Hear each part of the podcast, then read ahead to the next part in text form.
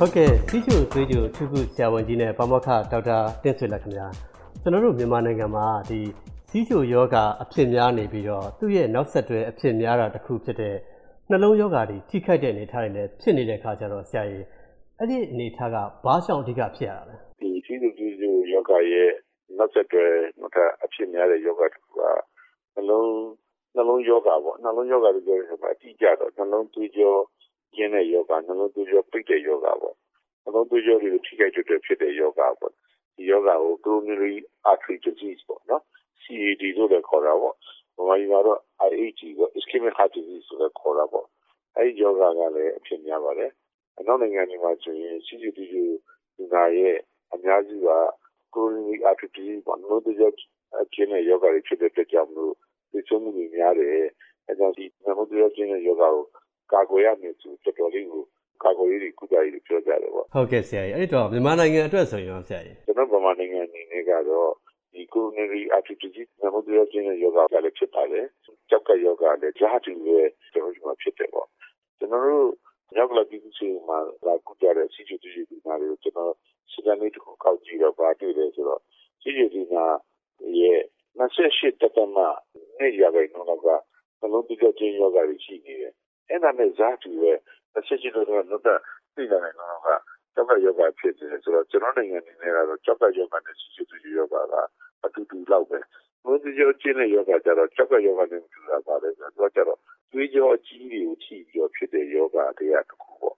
သွေးကြောကြီးတွေဆိုတာတာမန်မျက်စိနဲ့ပေါ့ ဘာမှ မှန်ဘူးရဲ့ အကူအညီတွေနဲ့ ကြည့်လိုက်လို့ချင်းမြင်ရတဲ့ သွေးကြောတွေကို ကျွန်တော်သွေးကြောကြီးလို့တာမန်ဖြစ်တတ်မှာတော့အဲ့ဒါသုံးခုရှိပါတယ် တစ်ခုကပါတယ်ဆိုတော့ခု နကပြောတဲ့သွေးကြောတွေပေါ့အဲ့ဒါပိတ်တယ်အဲ့တော့ဒီဖြတ်သွားတယ် stroke ပေါ့နှလုံးမှာသွားတဲ့သွေးကြောကြောဂါတွေပေါ့နှလုံးမှာရှိတဲ့သွေးကြောတွေထိတယ်အဲ့တော့နှလုံးသွေးကြောကျင်းတဲ့ယောဂပေါ့ဆိုတော့လည်း coronary artery disease ဖြစ်လာတယ်ပေါ့နောက်ကတော့ခြေထောက်ကိုသွားတဲ့သွေးကြောတွေကျင်းတယ်ပေါ့ခြေတွေလက်တွေပေါ့ဒီခြေထောက်ကိုသွားတဲ့သွေးကြောတွေကျင်းတယ်အဲ့တော့အဲ့တဲ့မှာတော့အရှင်းများတာကနှလုံးသွေးကြောယောဂါတွေပေါ့ဟုတ်ကဲ့ဆရာအဲ့တော့စီးချိုကြောင့်နှလုံးကိုနောက်ဆက်တွဲထိခိုက်ရတာကဘာကြောင့်အဓိကဖြစ်ရလဲဆရာနှလုံးသွေးကြောယောဂါတွေက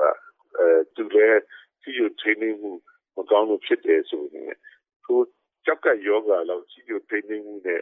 ဆက်ဆက်မှုကတိတ်ပြီးတော့ strong ဖြစ်ဘူးသူကသွေးကြိုထိနေလို့မကောင်းတဲ့ပြည်သူကအဓိကပိုင်းနဲ့ဆိုင်နေဆိုတော့ဘဝလုံးကျခြင်းပေါ့ obesity နဲ့ဆိုင်တယ်ကျွန်တော်သွေးထဲမှာသွေးအဆီဓာတ်တွေများခြင်းပေါ့အထူးကကျွန်တော်သွေးတိုးခြင်းပေါ့အဲ့ဒါတွေနဲ့ဆိုင်တယ်အဲ့တော့ smoking ပေါ့ကျွန်တော်ဆီလိပိုက်ခြင်းနဲ့ဆိုင်တယ်နော က်ပြီးကိုလက်လှရှာလက်ခြင်းက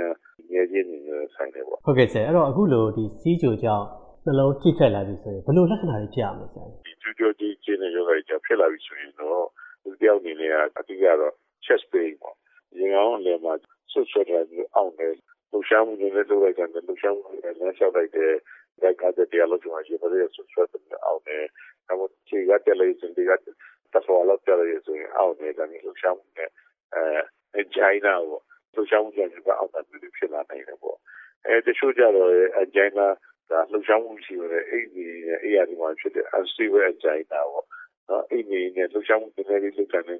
ညာတာပေါ့ အဲ့လိုမျိုးရှင်ဘတ်ဒီယာနာနဲ့ လာနိုင်တယ်ဟောတော့တော့ဒီလုံးဝပိတ်သွားရင်တော့ကျွန်တော် migraine infarction ပေါ့တော့ဒီကျော်လုံးဝပိတ်သွားတဲ့ယောဂဒီနဲ့လာတတ်တယ်ပေါ့ နောက်ကကျွန်တော်ဒီကျော် pre coronary heart rate မမှန်မဲလေပေါ့ အဲငါ့ရဲ့ရံမြန်နေသေးတယ်ဒါမှမဟုတ် irregularity ပေါ့မမှန်နိုင်ဖြစ်ပြီးတော့ဒီလိုမျိုးကျလာတတ်တယ်ပေါ့ဟုတ်ကဲ့ဆရာကြီးအဲ့တော့နောက်ထပ်ရောလာပြနေတဲ့လက္ခဏာတွေရှိတယ်လားဆရာ။အော်တမမို့ဆိုရင်ကျွန်တော် half failure ပေါ့။နှလုံးကပြီးနေရာတွေနေလာတဲ့အခါကျတော့ခဏကိုယ်အင်္ဂါစီပိုင်းတွေတွေးတွေကသူ့ကောင်မရောက်တဲ့အခါကျတော့သူကပေါ်တယ်ပေါ့။ပေါ်တယ်ပေါ်တယ်ပေါ့။ဆိုတော့ဒီလိုယောဂတွေနဲ့လာတတ်တယ်ပေါ့။ဟုတ်ကဲ့ဆရာကြီး။ အဲ့တော့အခုလိုဒီနှလုံးနဲ့သွေးကြောထိခိုက်တဲ့အပိုင်းမှာရောတသက်မမတ်ပို့ပြီးတော့ဖြစ်နိုင်ခြေများတဲ့လူတွေရှိသေးလားဆရာကြီးအဲသူတို့ကတော့ဆက်လက်ပြောတဲ့ဟိုအချောင်းချက်ဒီပူများတဲ့ဒီမှာပူဖြစ်တယ်ပေါ့ CUD ရောယောဂဖြစ်ဝါတဲ့လူတွေပေါ့နောက်ပြီး sedentary lifestyle ကိုခေါ်တဲ့အထိုင်ပေါ့ကိုယ်လုံရှားမှုတွေအထိုင်များတဲ့လူတွေပေါ့နောက်တော့ကျွန်တော်တို့ဝါတဲ့ထိုင်များတဲ့စစ်တွေတောက်များတဲ့လူတွေပေါ့စစ်တွေတောက်တဲ့လူတွေပေါ့ secret တောက်တဲ့လူတွေပေါ့နောက်တော့ကျွန်တော်တို့ဆိုတာ